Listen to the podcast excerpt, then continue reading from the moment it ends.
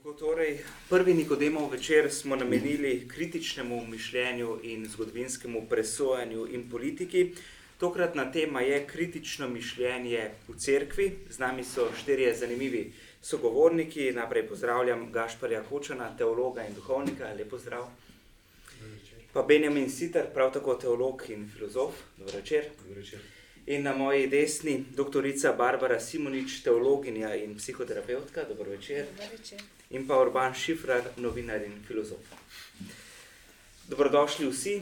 Izhajali boste iz osebnih izkušenj in vizij pri vašem delu, ki vas povezuje tako z družbo kot s cerkvijo.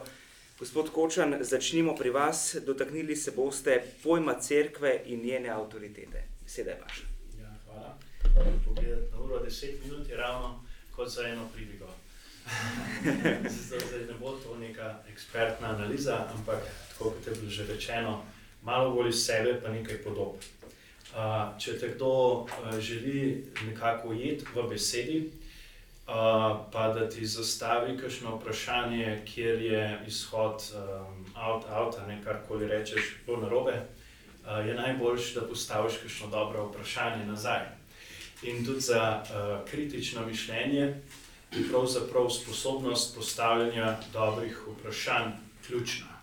Torej, kritično mišljenje ni uh, v prvi vrsti dajanje kritike, povedati drugemu, kaj dela narobe, in po možnosti, kaj ti delaš prav, ampak zastavljati si dobra, kvalitetna vprašanja. Torej, si zastavljati pomeni tudi sebi in tistemu krogu, ki mu pripadaš, uh, torej družbi, pa tudi cerkvi. Um, postavljati si vprašanja pomeni uh, razločevati pomeni postavljati stvari, trditve, ideje, procese kot na eno sito, torej na nek kriterij. In zdaj se lahko vprašamo, ali je to sito za crkv, pa za tistega, ki ji pripada, kaj drugačno kot sicer. Torej, ali ima crkv kakšen svoj kriterij, razločevanja um, in stopne točke kritičnemu mišljenju. Kaj sploh je crkva? Nekaj podob iz svetega pisma. Prvo jedro crkve je bilo 12 moških, pa še nekaj žena, vdov, ki so spremljali Jezusa. Poklical jih je zato, da bi bili z njim, beremo v evangelijih, in da bi jih pošiljal znanje. Torej, crkva je najprej poziv, je sklic, ni nek hobi, ni neko interesno združenje, ampak biti z njim. In tako tudi jaz osebno doživljam um, crkv kot nek klic uh, Boga, Kristusa, uh, da smo skupaj z njim. In to biti z njim postane za crkvu en nov kriterij presojanja, biti z njim. Druga podoba. To delajte v moj spomin, reče Jezus pri zadnji večerji, ko postavi zakrament Euharistije in so vsi zbrani okrog omizja skupaj z njim torej spet podoba skupnosti, ki jo združuje ta spomin.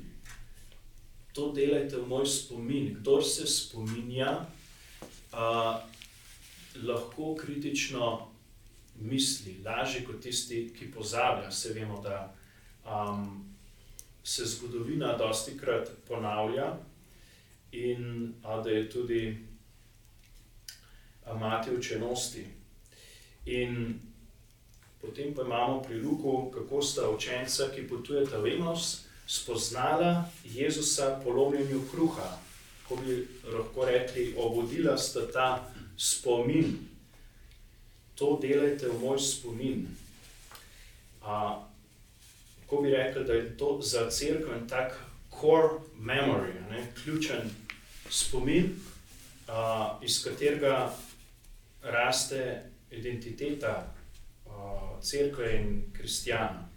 Crkva živi za Euharistije in spomin na daritev Božjega Sina, za naše posvečenje, pa za odrešenje, za zmago nad zlom, spet postane nov kriterij za presojanje, za kritično mišljenje. Kaj nam pa morajo? To ni več nek uh, posmehljiv stavek, vprašanje nosilcev uh, oblasti in moči, ampak recimo lahko postane to uh, odgovor učencev. Kaj nam pa morajo, sej se spominjamo, Gospod je za nas dal življenje in On je z nami. Cerkev iz Euharistije je tudi delavnica svetnikov, ko lepo molimo v tretji euharistični daritvi. Poglej na daritev svoje cerkve, na jagnje, ki si ga svoje cerkvi sam pripravil, ne, in po svetem duhu nas preoblikuj, pa izpopolni za večno daritev tebi, da bomo mogli prijeti dediščino s svojimi izvoljenimi, torej skupaj s svetniki. Ta spomin na Jezusovo daritev, daritev oblikuje svetost v cerkvi. In za osebno, uh, ne tako mogoče tista naj, najbolj pomembna um, opora, če se, če tako pogledam na cerkev, je, so svetniki, vrsta svetnikov skozi vso zgodovino cerkve. To se mi zdi, da je ena taka um, zelo pomembna um, pomembna trdnost za crkvo.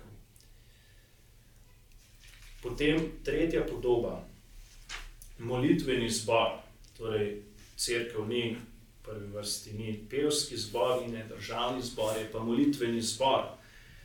Podoba zbranih apostolov skupaj z Marijo v Gorni izbi. V Jeruzalemu, kjer enodušno ustrajajo v molitvi, Pomislimo iz naše lastne izkušnje, kako drugačna je presoja nekoga, ki moli, od tistega, ki ne moli.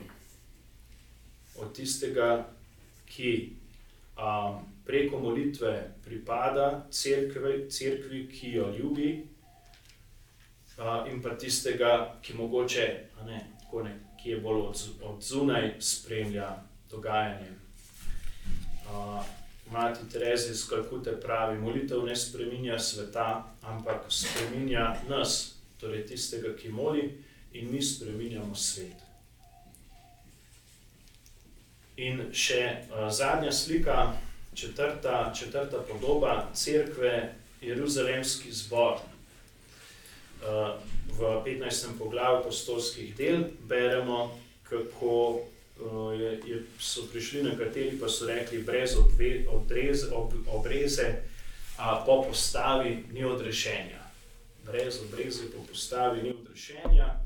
A, pride Pavel a, in pravi, jaz se s tem ne strinjam, ampak ko gre na pot v Jeruzalem, na tej poti ne razlaga o tem, a, ne vem, koliko je tisti, ki je to rekel. Budas, ko nima pojma, ali pa da bi promoviral samega sebe, ampak tako lepo piše, da sta z Barnabom na poti v Jeruzalem poročala, kako se pogani spreobračajo. Torej, kaj Bog dela, božje delo, iskanje, kje Bog deluje in kako je spet nov kriterij, kriterij za crkvo. To ni a, torej promocija svojih idej, ampak razločevanje, kje Bog deluje. In spet um, pravijo apostolska dela, to je brate navdihnilo z velikim veseljem. In ko sta a, prišla v Jeruzalem, sta spet poročala, kaj vse je Bog storil po njih. In Peter enako, in enako tudi Jakob. Torej za vse tri stebre postane a, božje delo kriterij. Pomislimo recimo a, na Medžugorje, Ne, kjer je eden od pomembnih kriterijev uh, ravno to, kaj so tam duhovni sadovi. Torej, ali Bog tam kaj dela, ali ne dela več. Um, zdaj pa še um, zadnja, zadnja točka, torej struktura cerkve je hierarhična. Ko si to predstavljam, jaz kot eno piramido, ampak uh, obrnjeno na glavo.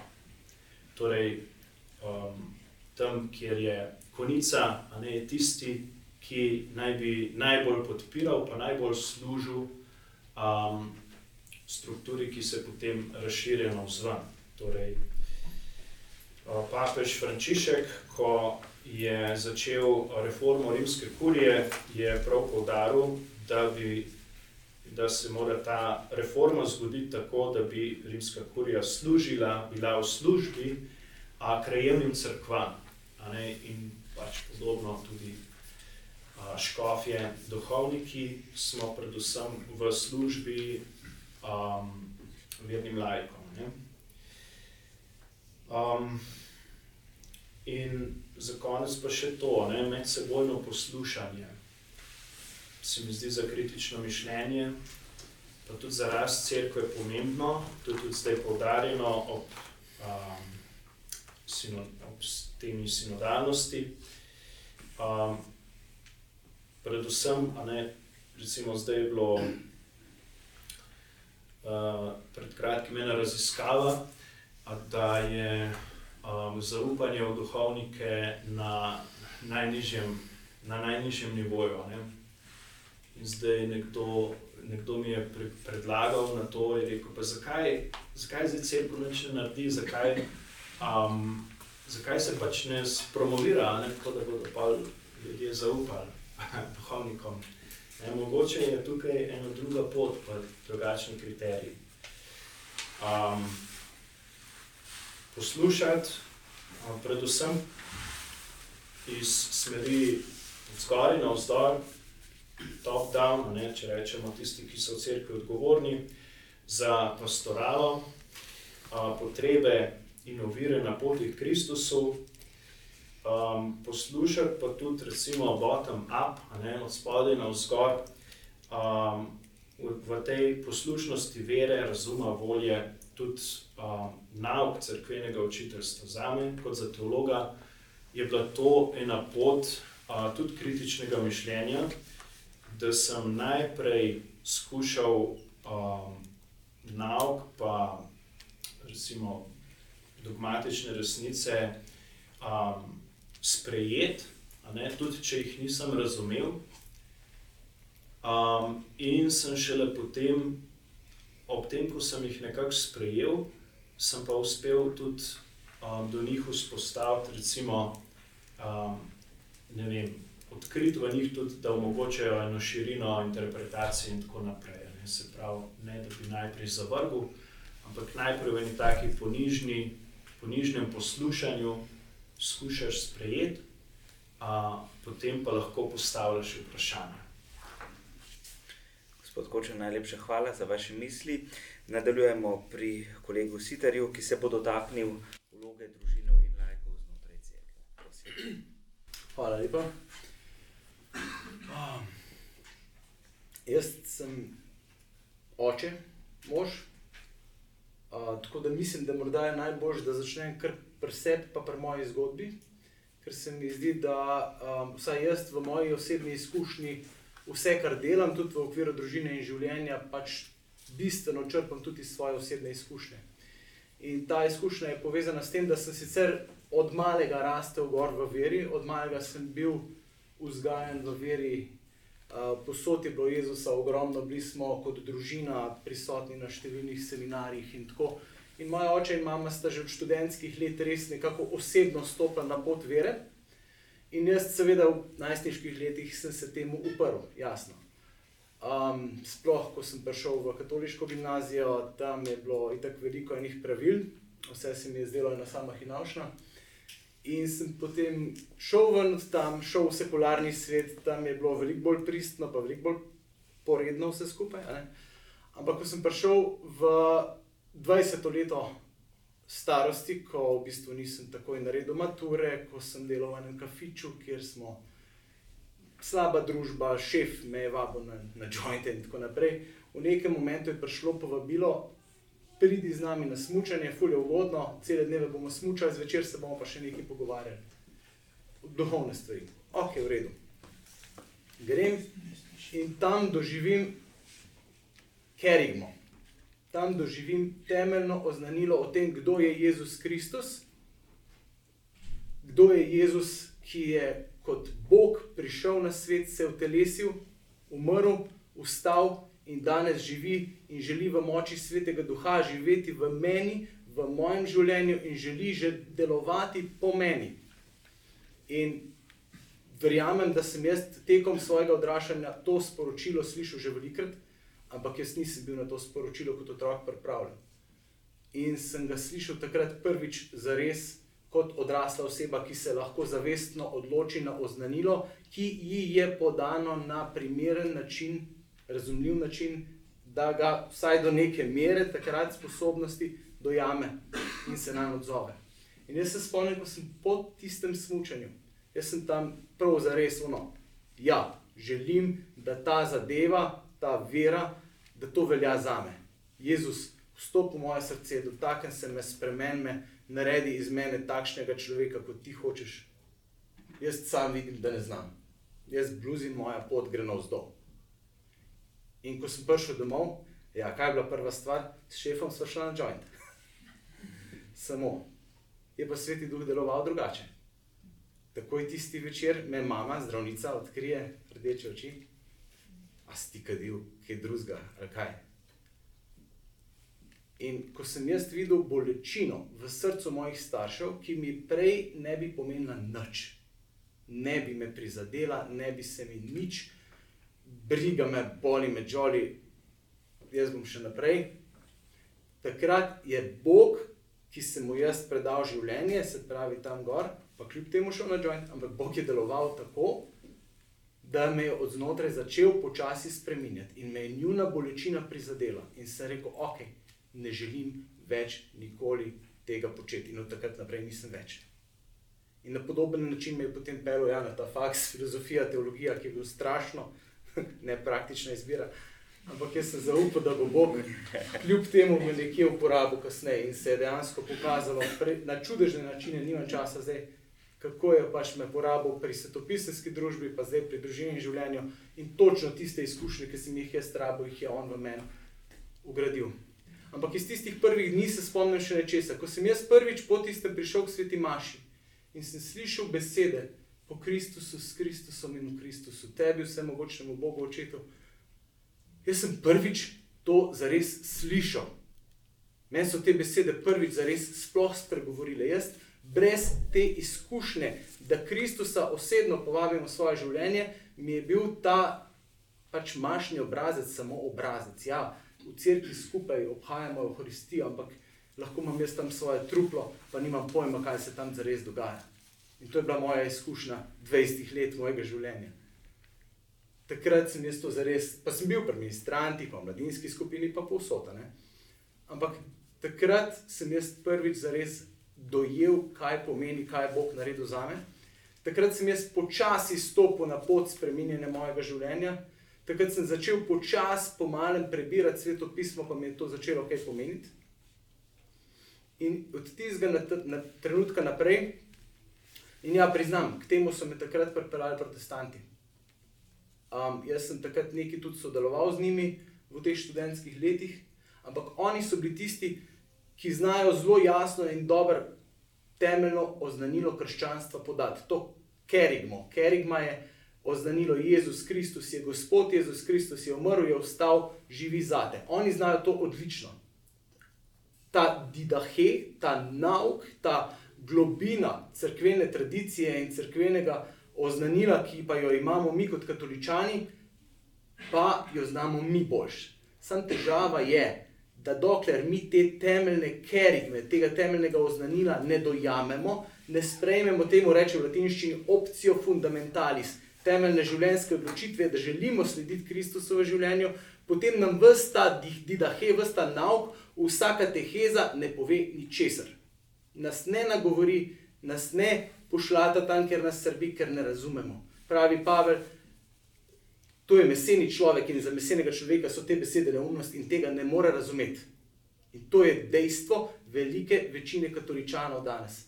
Avtorica Sherry Wedell v knjigi Forming Intentional Disciples pravi, da pozna ogromno katoliških voditeljev, ki so zelo visoko gor v hierarhiji, lajki in tudi duhovniki in celo kakšne škofje, ki nimajo te temeljne odločitve, da želijo slediti Kristusu. in kaj je potem vse naše delovanje v krščanskem svetu in v katoliški cerkvi. Pa je to eno duvanje.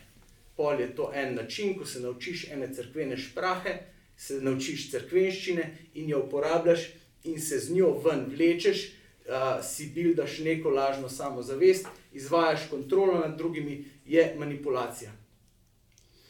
In mi, krščanski lajki, pač to tudi pri dižu vidimo, no? in to je bistvena razlika, da ko en par to dojame, ko oba dva v paru začneta zares živeti duhovno življenje, ko začneta res dnevno prebirati Božjo besedo, ko začneta z rednim zakramentalnim življenjem, ki je posledica, ker ga razumeta, kaj pomeni je redno mesečno, recimo k sveti spovedi, kaj pomeni redno hoditi k obhajilu, pa vedeti, da si zares Kristusa živega prejel takrat šele se začne tudi njihovo življenje zares spremenjati kot paro.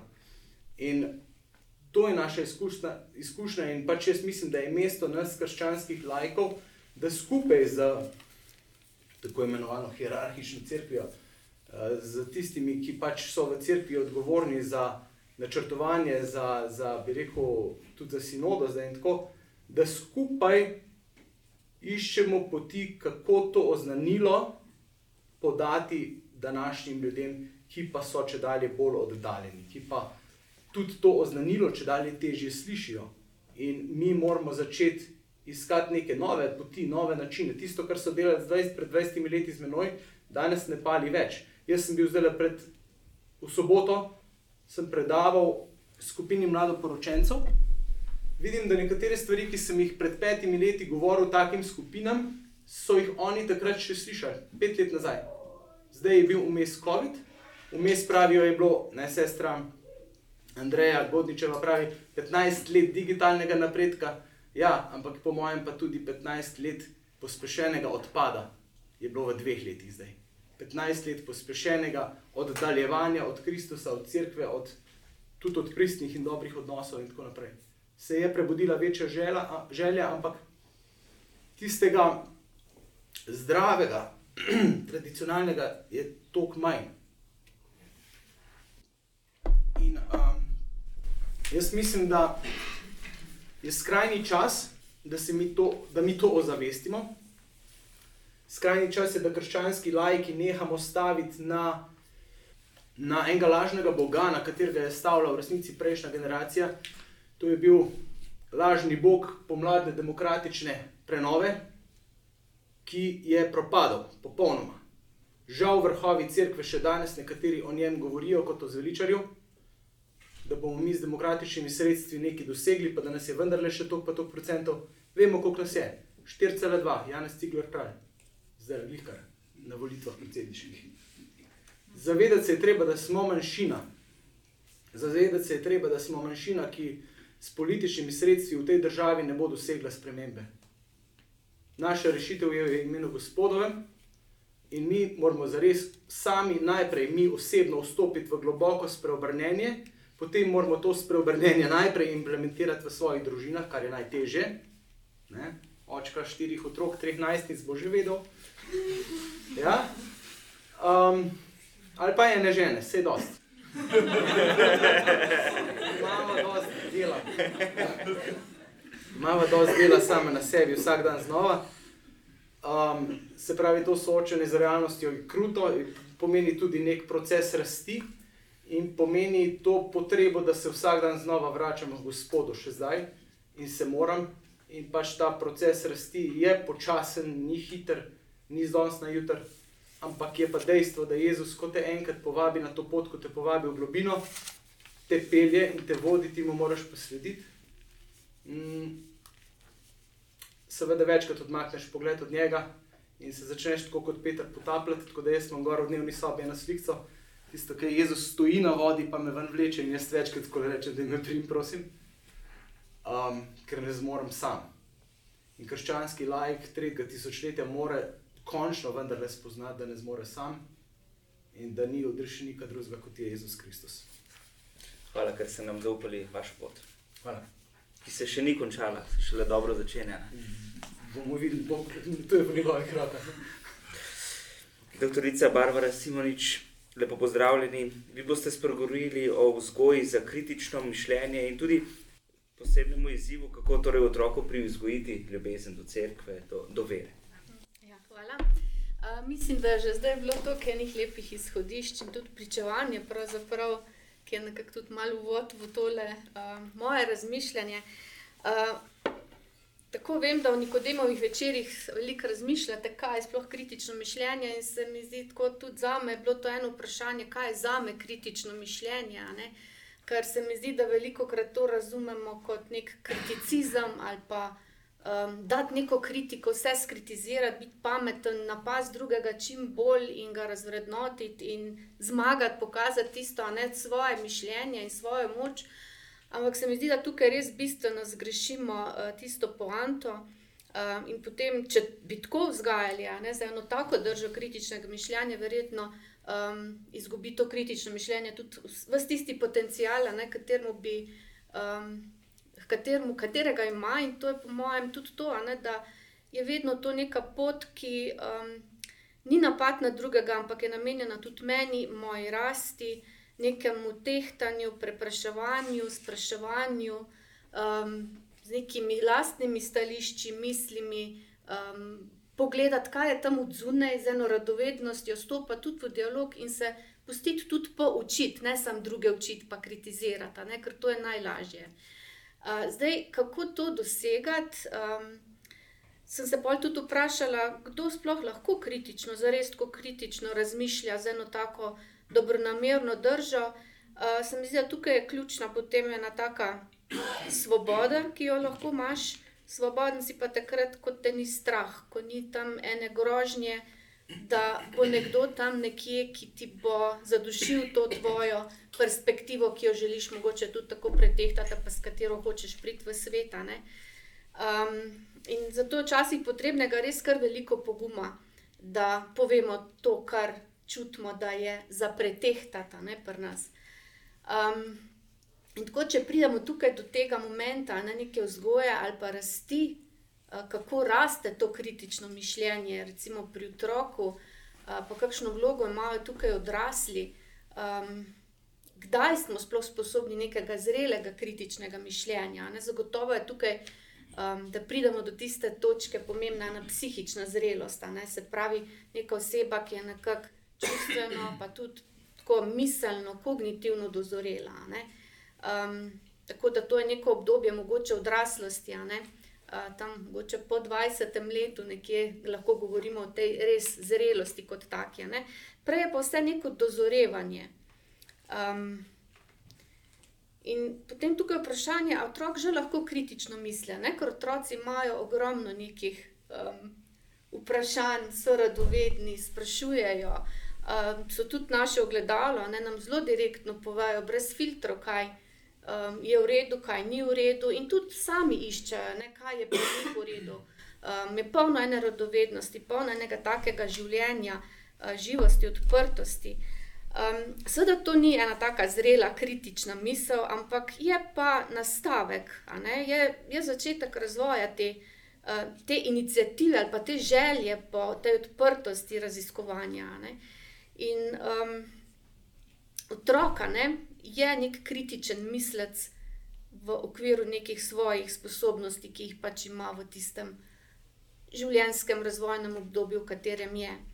In se mi zdi tukaj ključna ta drža odraslega, ponovadi je to v prvi vrsti starša. Ne, kako sprejme te otrokove misli, razmišljanja, to radovednost, um, ko srka, ko, ko sprašuje, ko postavlja vprašanje, tisoč sto.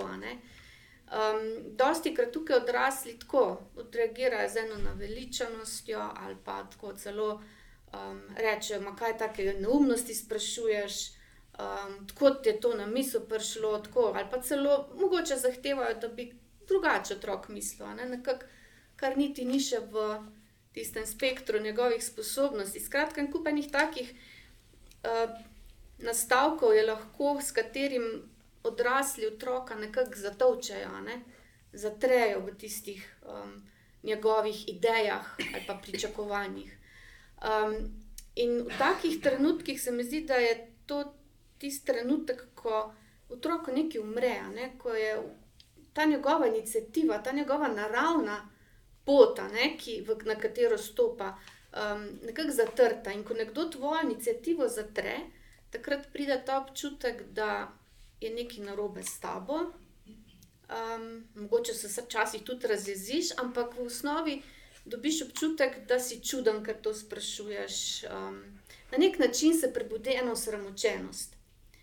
Uh, in otrok se tudi nauči, ali pa dobi to izkušnjo, da s tistimi svojimi nastavki ali pa mislimi um, nima v tem svetu kaj veliko početi, in tudi svet mu ne daje nekih odzivov. Niti v sebi potem ne zgradi enega trdnega stališča ali pa sposobnosti, da bi se lahko zanesel na neka svoja um, ja, stališča, občutja. Recimo, um, in bolj kot so recimo te reakcije strani odraslih, take, da se ta inicijativa, ta pobuda, recimo otroka, zatira, bolj otrok nekako leze vase. Uh, in iz takih vidikov se potem rodi ta življenjska drža, ki jo nesemo dosti krat prav v odraslost, um, da se bojimo, ne? da se bojimo izpostaviti, da se bojimo zaupati sebi, ker smo čudni, a ne z nekimi svojimi idejami. Um, in smo tako, v bistvu nas je strah, da bi se osramotili. In se mi zdi, da tako tisto, kar za, zavira to kritično mišljenje, pa sposobnost kritičnega mišljenja, pravzaprav ta strah pred osramočenostjo. Uh, strah, da bi ja, izpadel čuden, spre, da bi te ne sprejeli. Um, in potem je najlažje slediti, uh, slediti vsemu, kar pač prihaja, ne glede na to, ali je dobro ali pa slabo. Tako se nekako zavarujemo, pa niti ne vemo, da to počnemo.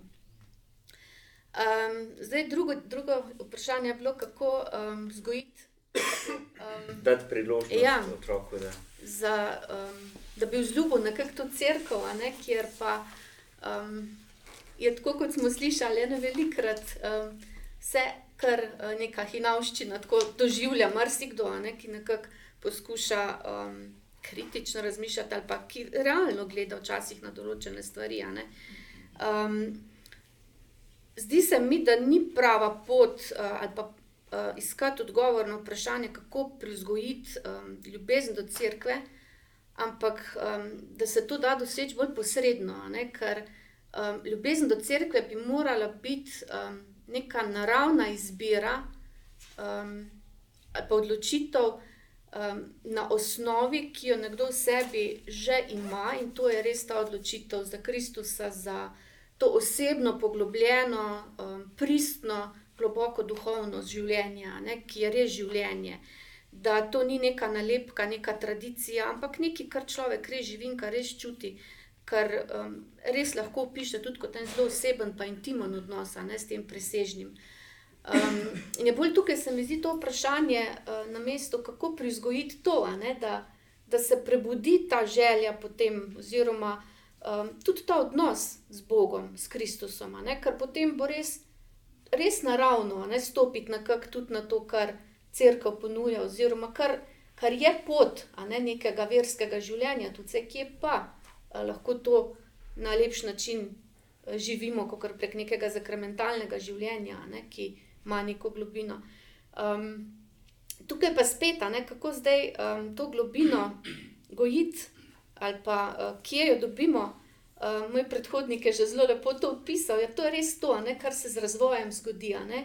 Pride neka točka, kjer brez tega kritičnega mišljenja ne more priti do odločitve. Ne kjer uh, ne more priti do odločitve za resen in poglobljen odnos. In v otroštvu niti nismo psihično zreli še za to. Ne? Um, nekje tam v sredini najstništva, pa že, in ponovadi tam je tudi tako razvojno gledano uh, to obdobje te kritične misli, tehtanja, uh, spraševanja. Ne? In tudi tukaj najstnik, um, verjetno tudi vsi mi, ki smo tukaj, pa če gojimo neko um, ne, to globoko odnos do tega, ali pa tudi ne, verjetno v tem najstništvu je prišlo ne, do, tega, do te odločitve, kakšna je moja pot. Na en drugačen način, ne, ne samo to, kar nam je bilo, recimo, preko vzgoja ali pa prek nekega srečevanja posredovano. Tako da uh, najstništvo ja, je tisto obdobje, kjer um, prav s kritičnim mišljenjem pride do tistega premika, um, ali pa vse, da stopimo v to smer. Um, seveda tudi kasneje lahko, ampak tam nekje pride do nekih, um, do nekih odločitev.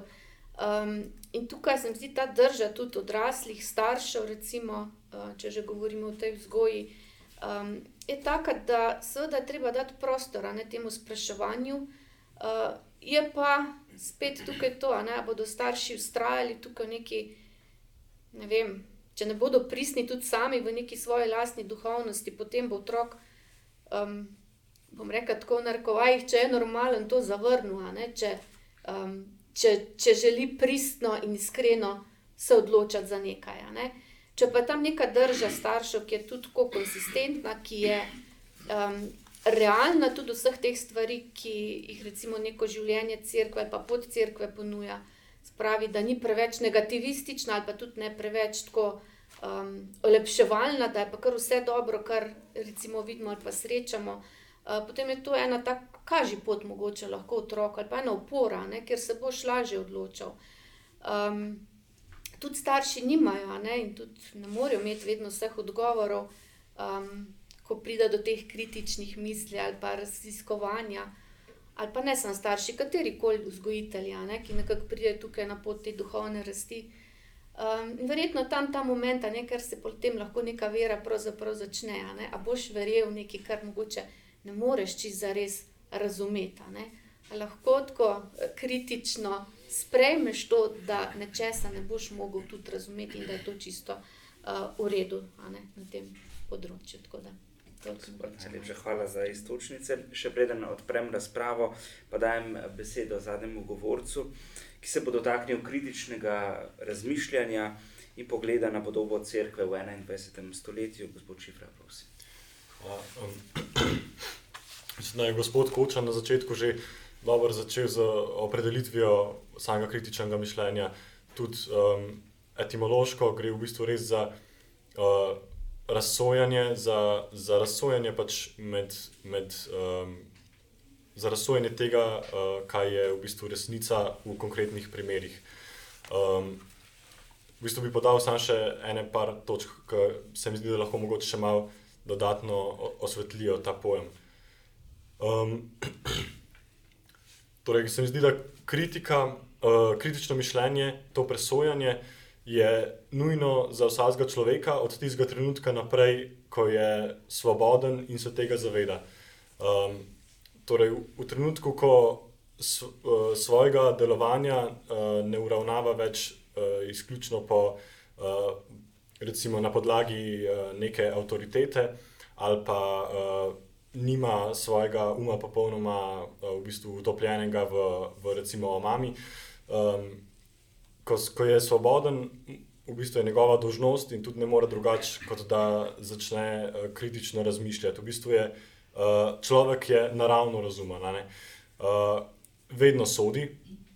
Vprašanje je pa zdaj, uh, kako to dela, ali, ali to, ta sodba v bistvu gre v smer uh, razboritosti, v, v tem dobrem smislu, v smislu uh, raz, boja za, za dobro, za duše, za, za uh, nebeško kraljestvo, ali uh, se to prelevi v neko skeptičnost, v dvom do vsega, um, ali se v bistvu začne um, izgovarjati, ali pa uh, če noče sprejeti tega daru, um, uh, tega svobodnega v bistvu presojanja. Um, ga pa pač mora utopiti v nekem konformizmu, uh, v bistvu konkretnih omamah uh, današnjega sveta, ki so mogoče uh, danes uh, še bolj intenzivne kot, kot kdajkoli, ker pač živimo v tako udobnem svetu. Um, to je naslednja stvar, ki bi, bi jo izpostavil. Je, um, se mi zdi ta pojem kritično mišljenje v bistvu deloma prekriven z um, pojmom tako imenovane matere vseh uh, kreposti. Uh, to je uh, razumnost oziroma previdnost, prudencija, um, ki so jo kot tako v bistvu prepoznali že poganski filozofi. Um, bistvo, njeno bistvo je pa res um, v iskanju resnice v konkretnih, v konkretnih stvarih. Um, v bistvu presojanje v konkretnih stvarih, kaj je resnica, uh, kaj je dobro in kaj je slabo. Zdaj, največji sovražnik tega pa v bistvu ne more biti drugega kot uh, mišljenje, da resnice niti ni in da tudi ni dobrega, dobrega in hudega. Ne, kaj je resnica? Ja, evo, ne, pa smo, pa smo um, tam, kjer tudi kritično razmišljati, v bistvu, v bistvu ne moramo. Uh, zato je ta relativizem, ki je danes najbolj uh, razširjena ideologija, kar se tiče um, vsaj zahodnega sveta, uh, največji sovražnik kritičnega mišljenja. Um, in posledično je tudi glavna naloga vse vzgoje v bistvu ostriti ta čut uh, za, za pravo sodbo. Um, v bistvu etična krepost je toliko krepost, kolikor participira na pravem praktičnem umu. Ne? In z drugimi besedami, življenje je etično, kadar ga prepaja prava kritična pamet. Vsi moramo biti kritiki svojih dejanj, svojega okolja, živeti brez rutin, pristranosti, sanjaštva, utvar, slepote, v bistrem in razboritem upoštevanju svojega in drugega dejanstva, to je iz uh, Mirana Komarja. Um, tako da dodal bi mogoče še to, da je kritičnost vedno izhaja iz dejansko ljubezni. Um, zato, ker za kritičnost je nujno, za kritično mišljenje do neke reči je nujno zanimanje za njo, je nujno v bistvu tudi to, da uh, ji želimo dobro. Um, in zato nujno iz, izhaja iz ljubezni uh, do posameznika ali pa do uh, institucij ali pa kakorkoli že. Um, in je posledično tudi nujno dobrohotna, se pravi, je konstruktivna. Um, en primer, ki se mi zdi zanimiv, kje pa se v bistvu začne uh, kritično mišljenje, oziroma kje lahko z njim začne čist, čist vsak izmed nas.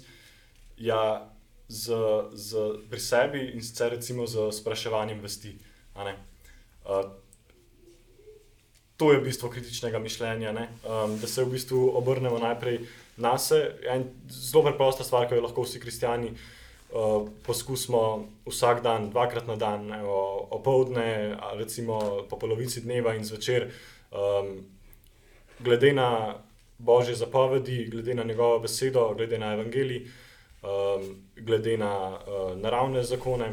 Uh, presodimo, um, kaj je bilo recimo, v, dana, v naših ravnanjih danes uh, slabo in kaj je dobro. In, in, um, če v bistvu začnemo pri sebi, um, če najprej pri sebi skušamo prepoznavati um, naša dejanja in, in tudi tistega, tisto, česar uh, nismo storili, um, potem bomo znali biti na prav način kritičen tudi do uh, stvari v družbi. Um, kako je bilo drugo vprašanje, še glede crkve? Ja, vaš odnos. Ja, um, tudi v 21. stoletju, uh, tudi v, v letu 2022, je, je crkva v svojem bistvu še vedno uh, skrivnostno Kristusovo telo. Uh, še vedno je, je crkva v svojem bistvu enaka kot, kot vedno, se pravi, njeno, njeno središče je, je Jezus Kristus in, in, tega, uh, in, in njegovo zagotovilo, da je tudi peklenska vrata ne bodo premagala. To se mi zdi bistvo. Cerkev ima še vedno um, to, kar je ključno, ima, ima našega gospoda, um, ima zakramente. Uh, Je v bistvu posrednik, uh, tisti varuh, hranitelj uh, vse te tradicije, te dediščine. Um, in tega, tega, ne, bo, tega ne bo nikoli izgubila. Um, hkrati pa si moramo priznati, oziroma je, je dejstvo, da je, da je crkva v določeni krizi, uh, katere bistvo pa niso um, neka vprašanja strukture.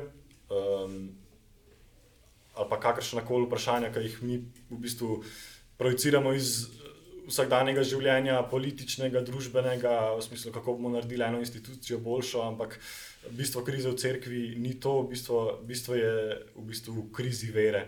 uh, vsakega od nas.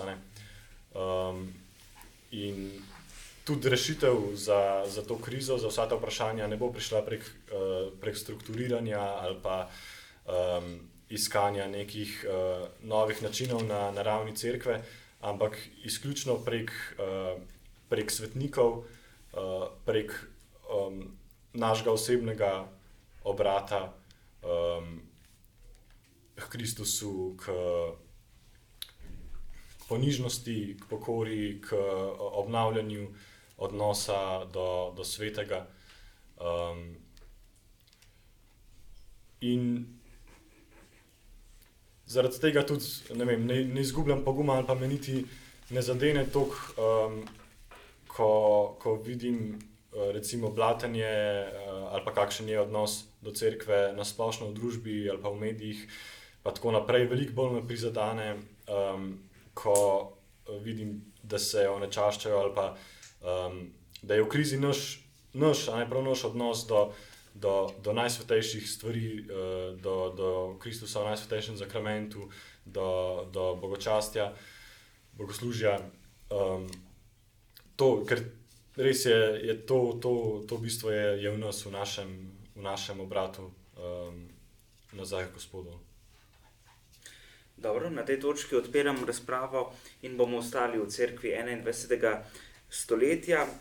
Nekaj izzivov ste že našteli, pa vendarle, po vašem mnenju, kateri so tisti ključni, s katerimi se mora soočiti crkva in s katerimi se moramo kot sami posamezniki, del tega občestva, soočiti. Ja, mogoče, mogoče se moramo sami soočiti, ne? da nadaljujem to misel. Ne?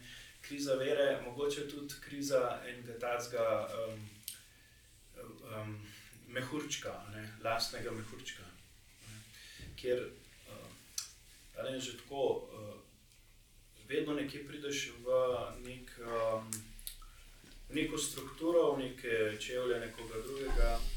In uh, v bistvu ni vedno tako lahko spremeniti ne, nekih ustaljenih, um, ustaljenih struktur. Ne. Um, že papež uh, Janis Pavel tudi govoril o novi evangelizaciji, kako mora biti nova tudi po metodah. Ne pač, ne vem, jaz vidim, jaz sem letos po desetih letih, enajstih duhovništva, prvič postal župnik. In um, ko sem se pripravljal na to, um, sem uh, si tam prebral eno uh, knjigo, mislim, da je preno, prenovitev, že, um, ki govori o enem ameriškem duhovniku, ki je marsikaj spremenil na svoji župniji torej izstopil iz teh um, ustaljenih tirnic. Ustaljenih tirnic um, vidim pa, ne, tako, kot prejš, uh, nekje um, pač nadaljuješ neko delo. Ne, pač ni lahko, problem je pa, če, se, če bi se pol zaprl preveč v neko lagodje ustaljenega. Ne. To je pa ta mehurček. In, in tukaj. Um, Ne, tako, mogoče, mogoče na, na en taki um, intuitivni ravni, kristijani čutimo, um, da nekaj ni v redu, da nekaj ni pristno, da ni dobro, pa da ni resnično. Ne? Se pravi, vera nam mogoče vzbudi ne, neko to, to kal kritičnega mišljenja. Ampak, uh, doskrat nam pa tudi zmanjka potem enega urodja, ene um, apologija, ne, če, ho, če hočete. To, kar je tudi danes pri protestantih razvito, ne v Ameriki. Um, to, da znam tudi zagovarjati, da znam izražati uh, neko mojo presojo. Ne. Um, tukaj nam zmanjka, zato mogoče pa pa ostanemo, da se zadovoljimo se s tem, vse jaz vem, da to ni prav. Pač, jaz se bom rešil, a drugi pa kar hočejo. Pa smo pa spet ostanemo v tem mehurčku. To to je pa tudi povezano malo z samim verskim znanjem. Čistko, ker zdaj velikokrat tudi slišimo verok. To bi lahko predvsem prineslo eno versko izkušnjo, ni izkušnja. Okay, ampak jaz lahko imam eno izkušnjo, pa eno znam interpretirati, ker mhm. mogoče nikoli nisem slišal a, za to, da je Bog poklical Abrahama, pa Samuela. Pa, ne vem, ne? In nekaj bom začutil, pa ne bom vedel, da je to mogoče pažno klic. Rabim tudi, rabim tudi no, znanje, no, ali pa tako argumente. Ja. Če lahko nadaljujem. Um, jaz bi se navezal na to, kar je gospod Gašpor rekel. Uh, apologija, ne, se pravi zagovorništvo vere. Ne, in ja, res protestanti se mi zdi, da so v tem 20. stoletju prednašali. In ko se spomnim, da sem te stvari jaz nekako raziskoval, tam nekje na začetku 2000 je bila katoliška crkva še dosti nebogljena. Se mi zdi pa, da je prav tudi ameriška katoliška crkva, jaz predvsej teh YouTube kanalov, od Meta Freda do raznih teh spremljam zdaj. Je katoliška crkva v Ameriki naredila kvantne preskoke v teh 20 letih in se dejansko lahko ogromno mi od njih učimo. Ni treba, da vse sami izumljamo. In mislim, da je to pač eno znamenje časov, ne? če pač sklepamo po razodetju, je znanje se bo povečalo. Ne? In dejstvo je, da znanje se je pač s tem prihodom te YouTube generacije, pa teh formatov z dolgim pogovorom, pa razprav, pa tega pisma, današnja mularija, vi ogromno več veste, kot smo mi takrat vedeli. Pogrešam pa, recimo, da bi to tudi naša crkva dojela kot priložnost, orodje. orodje in se nekako zedinila, kakšna pa naj bo zdaj vizija naše crkve. Pač obstajamo zato, da oznanjamo Kristusa. Če smo ga osebno doživeli, potem ne moremo, da ga ne bi oznanjali. To je nekaj, kar te sili, da postaneš goreč apostol za Kristusa. Ok, zdaj pa potrebujem the know-how, zdaj pa rabim oznanjevalna orodja. In tukaj pa mislim, da je, ko poslušam, ne vem, no, Maksimiljana Matjaža zelo v tem podkastu z cepinom, goreči grm, recimo se mi zdi, da je tudi v vrhovih crkve to neko novo zavedanje in želja po poenotenju in po večji formaciji. Jaz mislim, da predvsem odraslih. Ne? In je treba dati odraslim znanja in orodja, kako. Ne? In sploh pa recimo, jaz ne vem, jaz v resnici. Uh, Malo se borim s tem, ker sam malo čutim tega klica, iščem kakšne sogovornike, strokovnjake, duhovnike, ki bi skupaj delali kakšno dobro oddajo v Sloveniji na te teme. Se pravi, da ni tukaj zdaj samo eno kričanje z jezerskega gor, ne? ampak da bi dejansko mi zares šli pa se mal poučili o veri, pa magar tudi na način takih formatov pogovorov, ampak resne, dobre debate, ki bi bile, pač s katerimi bi gradili svoj aparatus, svoje svoje versko znanje. Ne. Kar pomeni, da digitalizacija ni zgolj izziv, temveč tudi lahko pomoč. To je lahko odlična priložnost za evangelizacijo in mi jo zaenkrat izkoriščamo, fuj premalo. Problem je 10 ur za urejanje 10 minut. ja, ni nujno, no. te videi, ja, se da, marsikaj se da. Sam, sam, uh, problem je, ker ne najdeš usposobljenih, gorečih apologetov, ki bi bili primerni za na kamero. Sorry. to je pa problem upamo, da jih bo v prihodnje več, uh, vajen morda pogled. Um, ja, jaz tukaj razmišljam o tem, uh, čisto izhodišču, ko ste rekli, ne, kaj je to krizo crkve. Um, pa tudi vsem nam ste dali za izhodišče nekaj vprašanje, kako čutimo crkvo, kaj je za nas crkva. Mogoče je to vprašanje za vse nas, ne, ker kadar mi tako kritično razmišljamo ali pa doživljamo, da je nekaj v krizi. Um, se treba vprašati, kaj tukaj, kater del te crkve, pa kaj mi čutimo, da je crkva. A je crkva samo nekaj zemeljskega, neka hierarhija in potem tudi laiki. Verjetno tisti del, ki je Kristusov, Kristus crkva, ne ta ni v krizi, ampak ta zemeljski del. Um, potem mogoče to me zelo tako nagovorilo, čist na začetku, ko ste omenili duhovniki, zakaj se ne promovirate. Pa sej niso župniki crkva, Cerkev smo vsi in če, če tako razmišljamo, potem se verjetno ne bo nič spremenilo. Če samo čakamo, da bo nekdo nekje nekaj naredil in spremenil in obrnil in se izobrazil, um, jaz sam pa nič ne prispevam, ali pa se vprašam, kaj bi lahko tukaj prispeval, potem verjetno ni možnosti premika. Ne?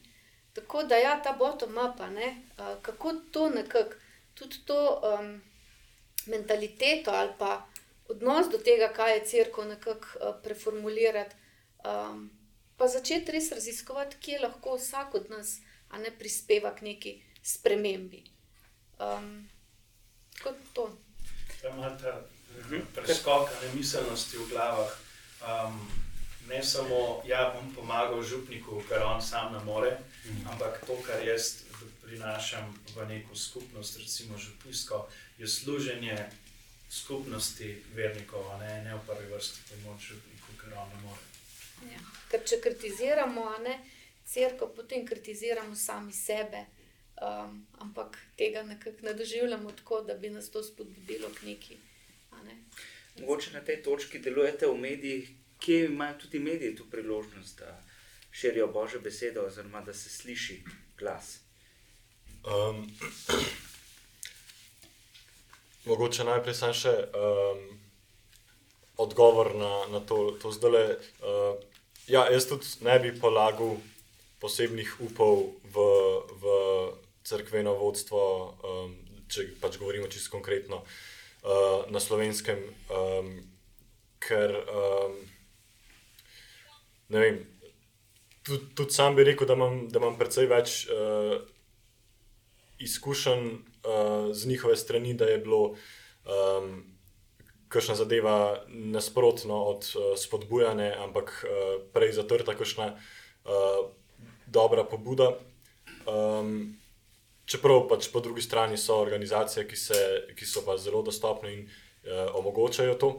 Um, ampak dejstvo je, da, da danes, za razliko od, od um, časa pred recimo stoletji, uh, ni Erliha, ni Tomca in tudi ni recimo Jegliča ali pa Rožmana, uh, ki, so, ki je dejstvo, da so, um, da, je, da, da so te osebnosti, svetniške osebnosti v tistem času.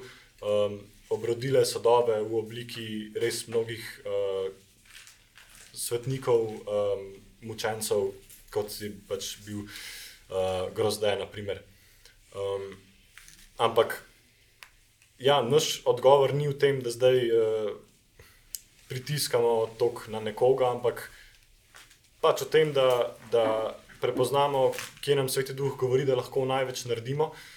Um, in, in tam čist konkretno gremo delati za to, da, da se zmoremo organizirati, um, postavljati uh, neke bolj, bolj, jasne, bolj jasne pojme, uh, temelje.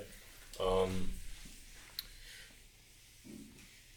tako da, ja, tudi mediji, ne, recimo, pa imajo uh, tukaj pomembno vlogo, glih uh, v smislu prinašanja.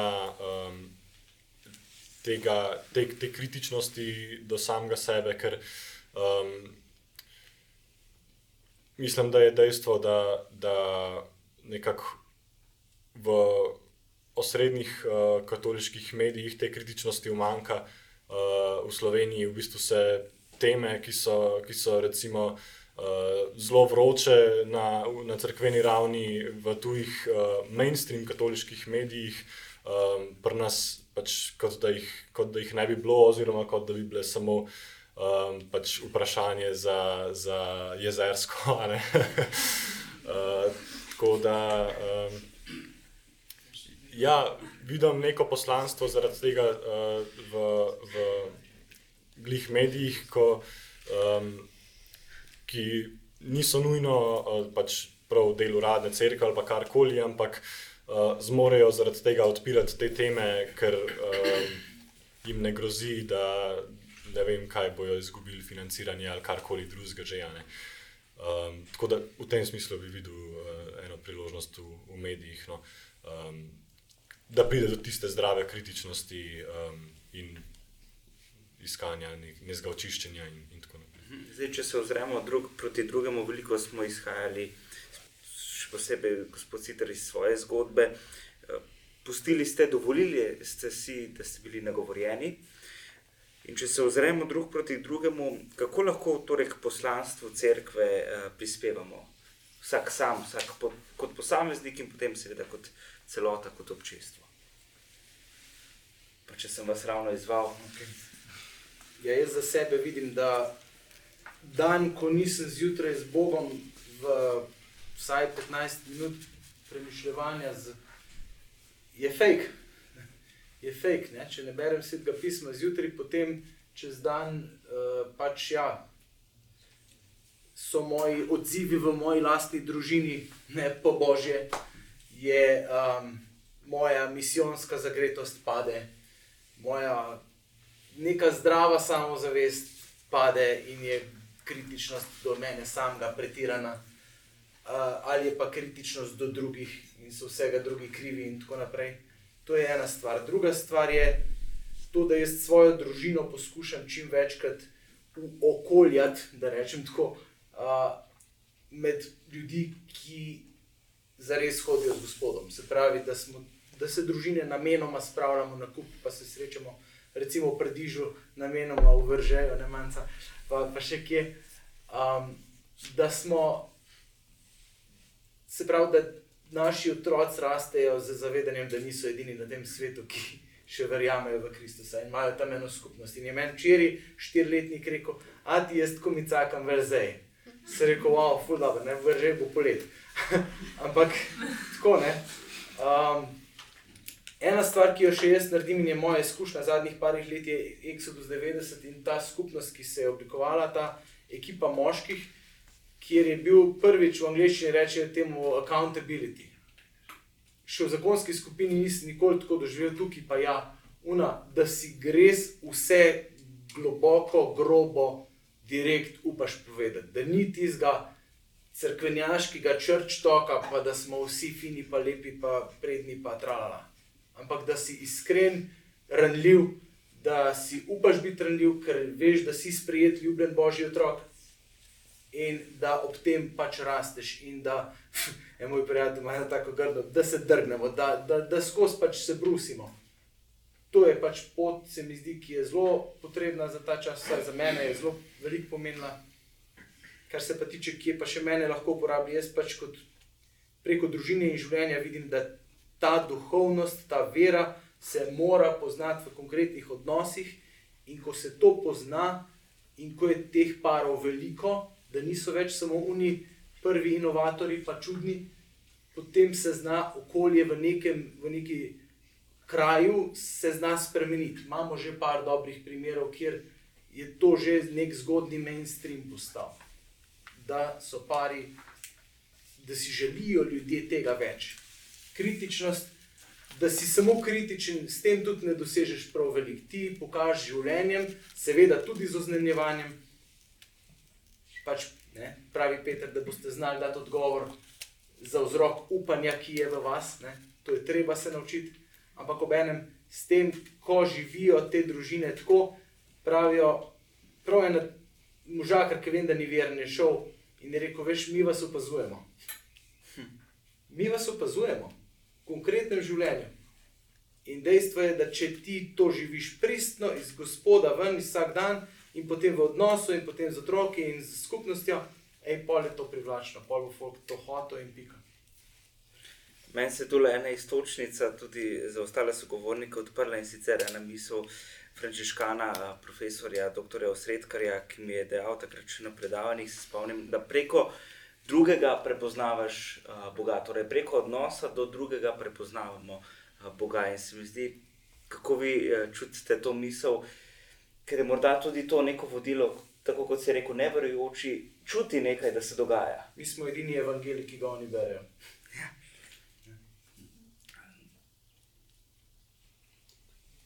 Mogoče sem zdaj malo zakompliciral vprašanje, ki ga niti nisem postavil, ne? ampak uh, recimo nekaj istočnice iz tega v smislu našega poslanstva, osebnega, uh, osebnih prizadevanj, ki jih ima človek um, za skupno uh, znotraj občestva. Ja, jaz sem se prej zasmejal, ker je Benjamin začel, ker sem jaz to uh, imel v mislih 15 minut prej, pet spat, 15 minut prej vstan, zato da boš imel molitev zjutraj. Um, to, to, to mislim, da lahko naredimo. Ne. To lahko tudi jaz naredim. um, ja. Mislim, to, da, da, da nekje, ne, kar vse, vse vsi vidimo, pač dan ima 24 ur in mislim, ti se lahko, ne vem, koliko prizadevaš nekaj, ampak lahko bo tudi to tvoje prizadevanje imelo zelo jalove sadove. ne.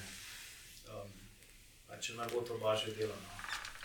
Um, pa ozirati se tja, kjer, kjer vidimo, da nekje Bog dela. Ne.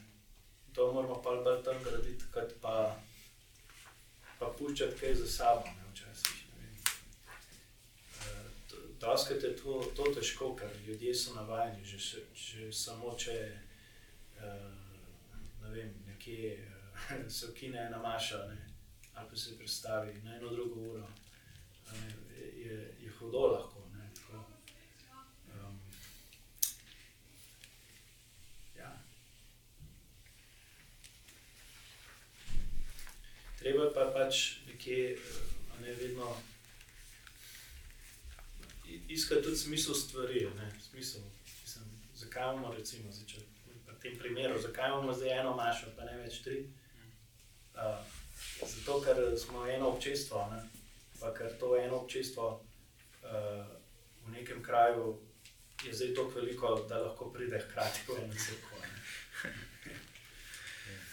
Skratka, pomemben je tudi notranji namen. Eh, Morda še kako vidva vidita to poslanstvo, ki žareva konec koncev iz nas samih. Ja, meni se zdi, da tu res ta ena brutalna iskrenost do sebe, um, pa res eno jedro. Ne, tako v tem zelo intimnem odnosu s Bogom, s Kristusom, da črpamo ne, tisto, kar, kar nas nagovarja in kar gradi, recimo to našo držo. Um, Vse mogoče ni treba, da si delamo tako velike stvari, ne pa um, da gremo zdaj vsi v misijone ali pa ne vem, gradimo ne vem kaj. Ampak se mi zdi, da se že tako pri drobnih stvareh a ne vse začne, prav to evangelijsko življenje. ne. Čisto ne vem, kako soseda pozdravimo ali pa vem. Je včasih dovolj. Ja, ne rabimo veliko, res ne. Um, vedno, vedno mene tukaj tako nagovarja. Ja, um, je treba iti v eno tudi samo preseganje tukaj. ne. Zdaj, če nič ne daš, pol tudi ne bo nič rodilo. Tudi ta svetopisemska misel, če pšenično zrno ne pade v zemljo in umre, ostane samo.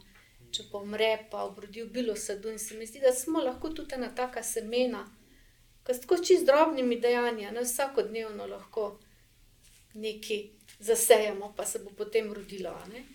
Um, ja, no, to je recimo en tak aspekt, um, ko mene recimo tako nagovori pri tem, a ne, kaj delati konkretno. Recimo. Še vaš utrinek poslanstva vsakega posameznika. Um, ja, jaz moram reči, da, da mi je šla ta misel, da um, bojo drugi v bistvu prek, prek uh, tega, ko bojo videli, kako mi živimo, v bistvu prepoznavali, začeli prepoznavati Kristusa ali pa tako naprej, eh, da bomo prek tega oznanjevali, um, mi je šla vedno na živce. Pa ne se strinjam uh, z njo, ampak se mi zdi, da je vedno, uh, vedno vodi v, v to logiko. Ja, pač bistvo je samo v tem, da, da, do drugih, uh, da smo do drugih prijazni, za razliko od enih, ki so včasih tečni, da smo prijazni, da jim pač, vem, pomagamo, naredimo kakšno dobro delo, uh, da delujemo veseli, da se veliko smejimo. ne. Um, ampak uh, ja, se strinjam, uh, da, da bojo uh, drugi lahko prek samega tega zgleda, tako kot so pač uh, um, pogani ob tem, ko so videli prve kristijane, da živijo radikalno drugačno, ne, ampak to je radikalna drugačnost. ne, to ni, Um, ja, ta je pa malo bolj vesel kot drugi, pa, pa nikoli ni uh, tečen v šoli ali ne vem kaj. Pač to je radikalna drugačnost, uh, pa vsem, in, in to pa ni, to pa ni heca, ne, to pa ni tako. Um, se bom potrudil, da bom bolj prijazen do drugih, ampak je uh, v bistvu zelo konkretno, zelo korenite, zelo strogo do sebe, zelo, težko um, se je v bistvu potapljati v, uh, v to spreminjanje sebe, ker je zelo konkretno. Pač, okay, vem, primer je dober, se mi zdi, Exodus. ne.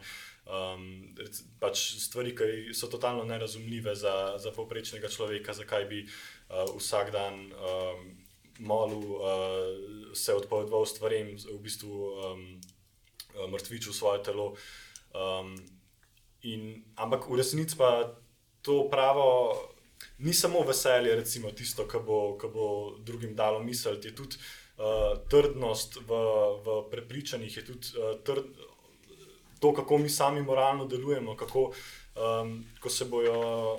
Pač vsi, ne vem, napil pa delali neumne stvari v enem klubu, pač recimo bom jaz drugačen ali pa take zelo konkretne stvari, ki niso lahke ali pa ko bojo pač šli na ne vem, kakšen črni petek, ne vem kaj, pač kupovati, ne vem, kakšne stvari, pač ne vem, se, se bom jaz še čemu odpovedal ali pa tako, ne.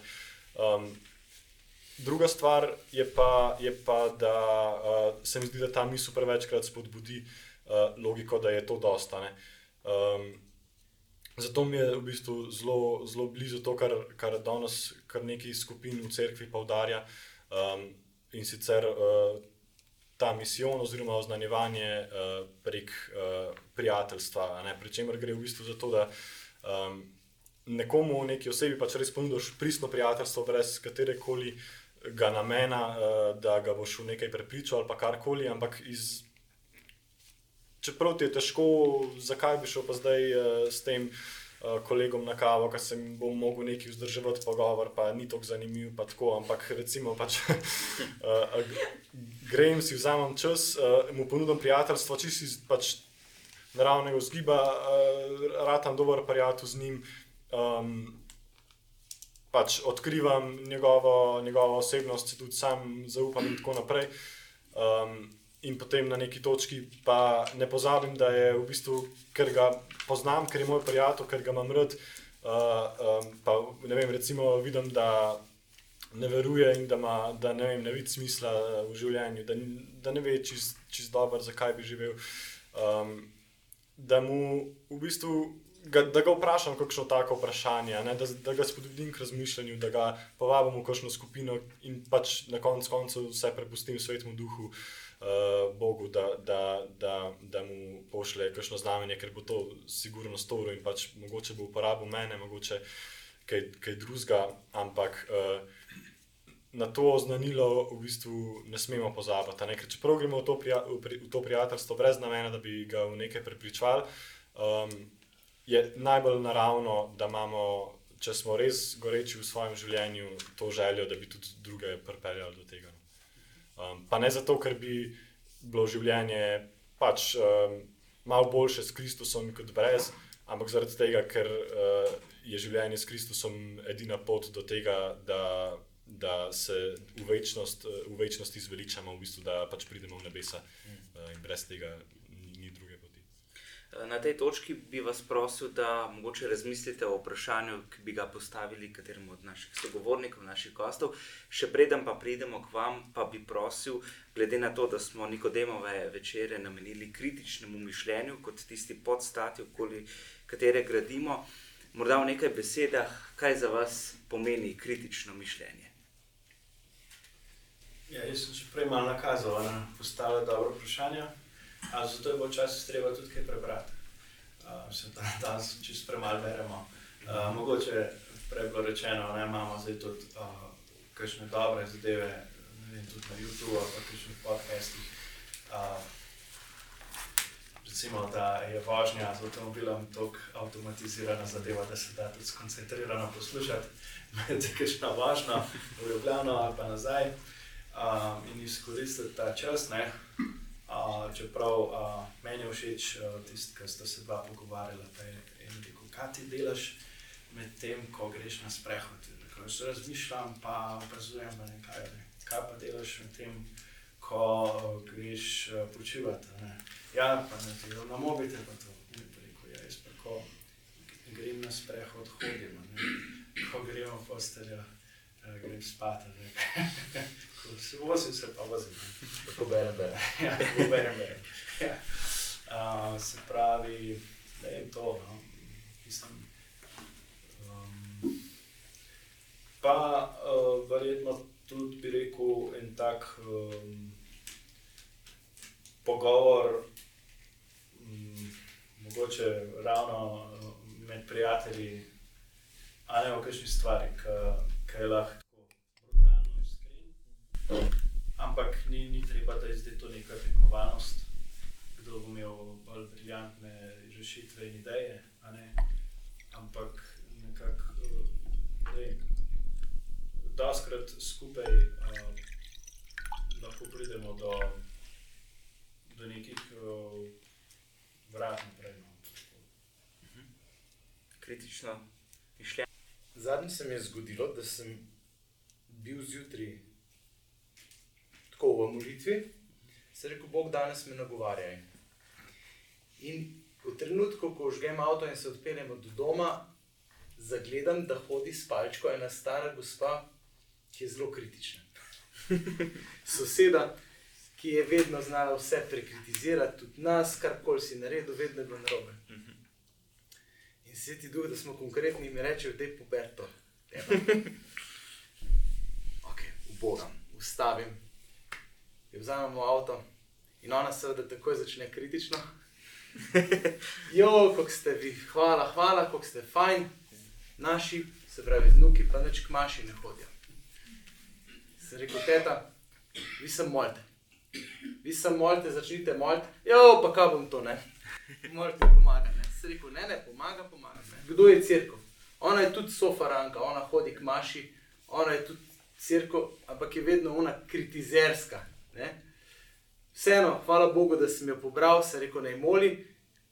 Jaz, ko imam pa nek, neko ozadje, pa želim z besedo tudi nagovoriti tega njenega vnuka, podprto z molitvijo. Ne? Več Zakaj? Da bi, tako, da bi prišel k, ma, da bi prišel k maši. Pol bo pa prišel k maši, pa tam ne bo pravega oznanila. Ali pa bo pač ga preslišal, tudi če bo pravo. In tako naprej. Se pravi, ogromno je stvari v naši cerkvi, glede- katerih si moramo dovoliti biti kritični. A, to sem slišal in se zelo strinjam glede katoliških medijev, in da potem pač pride ven ta protivdarc. ne. In jaz bi vseeno še enkrat se na jezersko vrnil. Jaz, ko sem te stvari začel poslušati, pa jih ne poslušam več redno, kdaj pa kdaj kaj. Ampak dejansko ta vprašanja, ki jih ti fanti dvigujejo tam, so prava vprašanja. Mnoga od njih, ne vsa. Um, In v bistvu je ta reakcija tako močna, tega, ker pri nas v Sloveniji je v resnici to kritično mišljenje bilo zelo, zelo zakopano. Tako kot ste vi prej rekli, mi smo bili vzgajani v strahu. In tudi znotraj cerkve je strah, in pred hierarhijo, in znotraj hierarhije je strah. In ko je kdo kaj rekel, jih je dobo po glavi. In mu je lahko načkov rekel, ti pa ta tvoj Jezus. Ali pa kakorkoli. Imamo imamo primere, ko pač, in, in to je v naši slovenski naravi, mi, mi imamo tisto nezdravo spoštovanje do, do hierarhije, do v bistvu že od tega vseh stoletij, ko smo bili, bi rekel, vladani strani drugih, a, smo po eni strani sužensko ubogljivi, po drugi strani pa nerazumno kritični, ne? pretirano, se pravi. Um, in seveda nam to seka na vse možne konce ven, ne? ta kritičnost. Um, mislim, da pač je čas, no, sej morda jaz sem enkrat že pred časom slišal in tudi uporabil to primerjavo, ne? Ko so šli Izraelci v puščavo, ko jih je Mojze speljal v puščavo, so bili tudi vse čas samo kritični. Ne? In so v puščavi jamrali za egiptovskimi lonci mesa. Ne vem, če ste poslušali Petersona v Ljubljani pred leti, je prav ta primer rekel. Ne? so jamrali po služnosti. ne. Um, traja 40 let, da pridemo približno vsaj do obljubljene države, 30 let je že. Um, ne vem, če bomo v naslednjih desetih letih uspeli priti, ampak jaz mislim, da moramo si dovoliti biti bolj kritični tudi v mainstreamu, uh, ampak vseeno pa ne z namenom rušenja, ampak z namenom izgradnje, z namenom izgrajevanja Kristusovega telesa. No? Ampak kot vedno, ne, začne se pri meni, začne se pri meni vsako jutro, tako kot je bilo rečeno, teh 15 minut. Uh, brez tega je vse fake. Je tudi tu prijaznost, krščanska nasmejana je fake in to ne privlači. Ne? In, um, pač ja, najprej biti pa vsak dan znova kritičen sam do sebe. Najtežji je egzamen, ne? Prej so to Ja. Tako, no. kritično mišljenje. Ja, tudi jaz sem že prej malo to izpostavila. Tako, ja, en del bi jaz rekla, je ta kritičnost, a ne? ampak jaz ne bi rekla, da je to vse, kar je kritično mišljenje, da skritiziramo vse, ker to lahko res preraste v eno vem, zelo strupeno sceno, kjer samo pljuvaš, uničuješ, nimaš pa nobene alternative, a ne? kako, kaj bi bilo dobro. Rušite lahko, ne? Ja, jaz moram reči, da sem največ kritike doživela v crkvenih krogih od ljudi, ki kritično mislijo, ne, uh, ne toliko nekje zunaj. Že imam mazohizma. Res tako, ampak to je tudi država, ker se mi zdi, da jo tudi um, v določenih sferah se vzgaja. Ne? Kristjan mora biti kritičen, mora tako um, presojati dobro, slabo, ampak to tako včasih kdo prevede, kot kar uh, vse je treba skritizirati. ne. In največ je tega tako v, v kakšnih socialnih omrežjih, recimo, ker se lahko skrijemo. ne. Samo to ni prava kritična misel, to je v bistvu res um, brez poguma, pravega poguma. Ne? V bistvu biti sovražen, bolj kot pa kritičen, ker se mi zdi, ta kritična misel.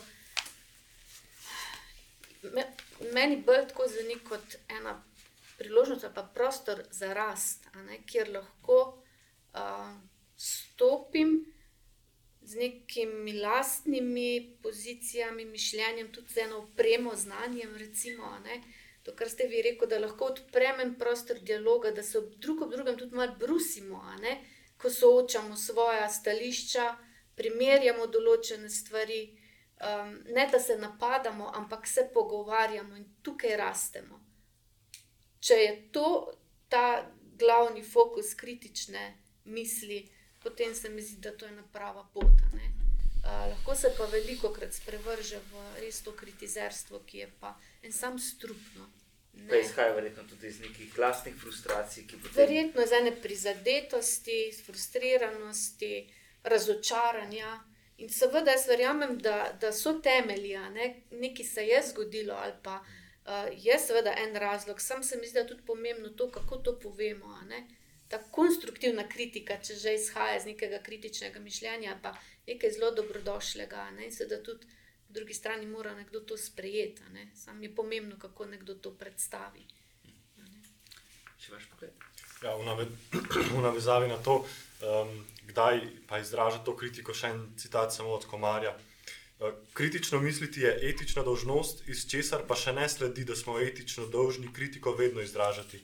Veliko krat smo dolžni storiti obratno. Izražanje sodbe je spet stvar kritične pameti, ki nam pogosto narekuje molčati, včasih pa tudi upiti. Um,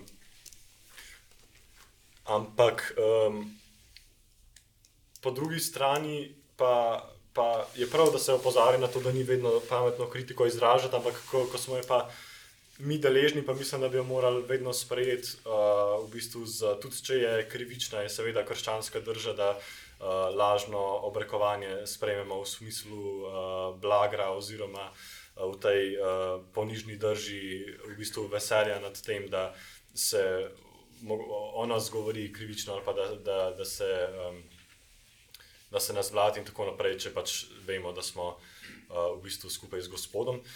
Um, ja, s tem se v bistvu zelo strinjam, da smo uh, po eni strani um, so um, recimo desetletja eh, komunizma um, v naši cerkvi, naši cerkvi naredila svoje. Uh, v smislu, da, da si v bistvu ne upa biti kritična uh, do, do vsega, čeprav pač seveda uh, se je zelo podobno zgodilo tudi v državah, kjer uh, niso imeli nič kaj dosto praviti s komunizmom, samo da po uh, pač drugih poteh uh, potrošništva, kon, konformizma uh, in tako naprej. Kar, Janze- So imeli pa janzenizem, tudi tudi janzenizem je bil, je bil ena oblika tega. Um, tako da, uh, ja, ni, ni tukaj, eh, so, so različne poti, ampak ni pa, um, neke bistvene razlike zdaj, čeprav so učinki tudi malo različni, ne, različnih, na različnih koncih sveta. Um, In ja, po eni strani smo, uh, ne znamo biti kritični, kritični do vsega, uh, kot crkva v Sloveniji smo uh, pač preveč tudi uh, zlizani z določenim delom oblast, oblasti, in, in potem uh, je pač uh, logično, da bomo lahko v, v vseh um, uh, pač, uh, medijih, katoliških, um, pač upravičeno. Um, kritizirali uh, komunizem, socializem, uh, recimo kapitalizma ali pa, uh, pač gospodarskega programa, ki ga dejansko tudi uh, katoliška stranka uh, danes zagovarja, pa v bistvu uh, se. Ne bomo kaj, kaj dosti dotaknili. Pač to, to je neka najdoslednost, ki je uh, ravno v, v 20. stoletju. Uh, ti, uh, prav Slovenci smo imeli res velike mislece od uh, uh, Kreka do, do Ušeničnika um, in tako naprej, je v bistvu niso poznali, danes, danes pa jo. In pač uh, je res uh, to, da smo na eni strani lahko zelo. Um, Nekritično, kritični, se pravi, ker um, se pa vprek. Nabijamo vse pa vprek, uh, um, ampak pač tist, tistim, proti tistemu, kar pač nam osebnostno ne ustreza, ali kar je pač vsaj neka paradigma, ki je ustvarjena uh, znotraj uh, enega kroga. Um, ne znamo pa zares uravnavati uh, naše kritičnosti po, po Kristusovem nauku, ki, ki, ki je pa v bistvu dosleden do, do nas samih, do vsega, kar je v nas samih, in tudi do vseh uh, pojavov v družbi. Um,